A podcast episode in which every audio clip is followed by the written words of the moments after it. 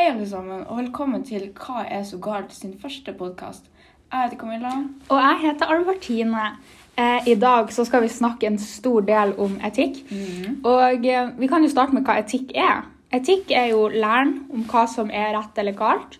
Og det handler om å reflektere over samfunnets moral, verdier og normer. Vi skal starte å snakke om eh, hva moral er, da. Ja, og moral det handler om det som er rett og galt, og som forteller oss om hvordan vi skal handle. Moral er de normene, verdiene og holdningene som avgjør hva som er rett og galt. Og det høres jo ganske likt ut som det jeg nettopp sa etikk var. Men jeg skal prøve å forklare hva som er forskjellen på etikk og moral. Eh, Det som er forskjellen, da, er at etikk er læren, eller teorien, da, om hva som er rett og galt. Mens moral handler mer om hvordan man oppfører seg, og hva du faktisk gjør. Eh, Når du handler moralsk, så oppfører du deg etter de normene og reglene som gjelder. Ja. Nå har vi snakka veldig mye om begrepene etikk og moral. Men nå lurer du sikkert på hva er normer? En norm er da en uskrevet regel som, om hvordan det er å forvente å oppføre seg i ulike situasjoner. En norm kan være forskjellig fra ulike situasjoner og samfunn. Som for eksempel i Norge så hilser vi hverandre med å håndhilse. Og i Japan er det normalt å bøye seg frem med håndflatene mot hverandre. Um, Det som også er viktig å nevne, det er jo verdier og hva det egentlig er. Um, Det er jo sånn at hvordan verdier du har, er ofte veldig viktig når du skal ta et valg om hva som er rett og galt. Um, En verdi det er jo noe som betyr veldig mye for deg.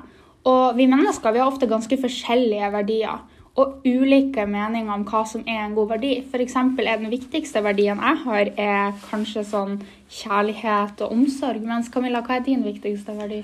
Det er det at jeg alltid har noen som er rundt meg, noen jeg kan stole på. Ja. Så det er jo ganske likt, men samtidig kanskje litt forskjellig. Eh, det som gjør Det som er, er jo at hvis man har forskjellige verdier, så kan det ofte være sånn at noe som er rett for meg, kanskje blir galt for hun Camilla, eller motsatt. Ja. Så har vi da noe som heter et etisk dilemma. Og det oppstår når man er veldig usikker på hva som er etisk riktig å velge. Det hender at det finnes to mulige løsninger, men begge kan få negative følgere. Albertine, har du et eksempel på et etisk dilemma du har opplevd?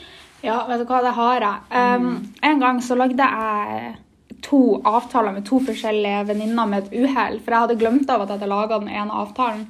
Um, og da prøvde jeg jo å spørre de om kanskje de ville være med og møtes alle tre.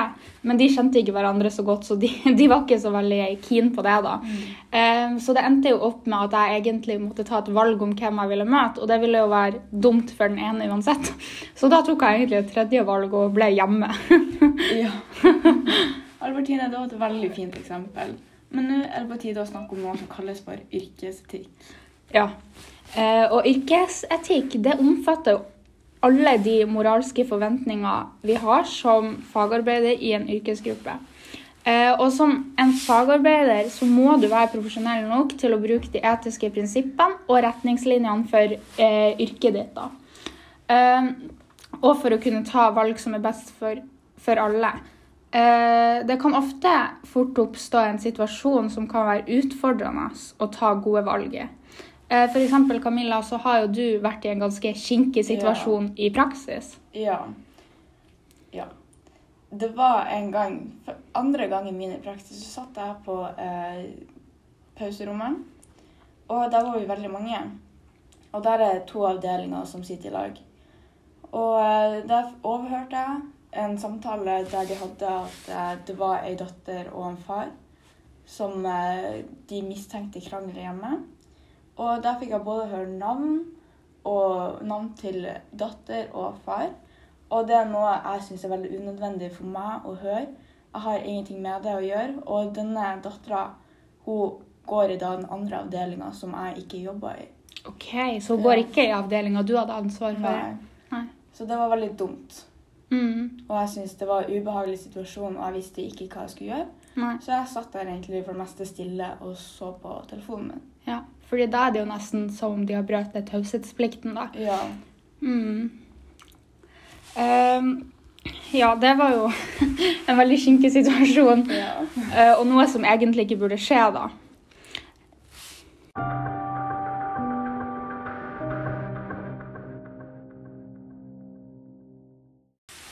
Nå er vi tilbake, og vi skal snakke om et litt mer alvorlig tema nå, eh, nemlig mobbing. Og mobbing er noe dritt. Eller hva syns du, Camilla? Jo, det er noe dritt, altså. Mobbing er noe vi ikke blir kvitt med det første. Mm. Og det skjer overalt i alle aldre. Det kan skje på kjøpesentre like, like godt som at det kan skje i en barnehage eller skole. Ja, og det som ofte er vanskelig, er jo å prøve å sette seg inn i liksom hvordan mob mobbeofferet har det. Og jeg tror ikke det er så veldig lett for et mobbeoffer å liksom vite egentlig hva man skal gjøre. Fordi at jeg føler at et mobbeoffer tenker nok på alle mulige løsninger, men jeg tror det følger negative eh, sider med de løsningene. da. Mm. Og det kan jo f.eks. være om eh, de bør si ifra. Blir det verre å si ifra? Blir det tatt på alvor? Eller er det virkelig noen eller noe som vil hjelpe? Ja. Eh, og ofte eh, så kan det jo være at den som mobber, har et eh, Har liksom en litt større grunn til hvorfor de gjør det, da. Eh, det kan jo være at det ligger en større grunn bak på en måte hvordan mobberen oppfører seg. Mm. Det, kanskje mobberen ikke har det så lett sjøl. Eller at han har mindre selvtillit og føler seg bedre av å ta det ut på andre. Ja. Da kan det jo kanskje være greit å ta tak i mobberens sitt problem på en måte for å kunne ta slutt på denne mobbinga. Ja. Foreldre blir jo noen ganger ikke tatt på alvor av ansatte eller medarbeidere. Og eventuelt er det to sider av samme situasjon som gjør at ansatte ikke helt vet hva de skal, som er sant eller ikke. Ja, og det burde jo faktisk ikke være en unnskyldning. Jeg tenker at det skal bli gjort tiltak uansett om det er foreldrene eller mobbeofferet som kommer og sier ifra. Eh, Det er jo ofte veldig vanskelig for foreldrene å vite hva de skal gjøre dersom de ikke blir hørt, liksom. Og det burde jo ikke være sånn at det på en måte er mobbeofferet som må bytte skole, eller Nei. sånn for at ansatte eller medarbeidere ikke vil ta tak i det her. Nei. Fuck mobbing, altså. Det er noe jævla drit. Ja, det er det. Ja, dette her ble en veldig alvorlig første podkast, men jeg håper dere får nytte av den. Så snakkes vi i neste. Ha det!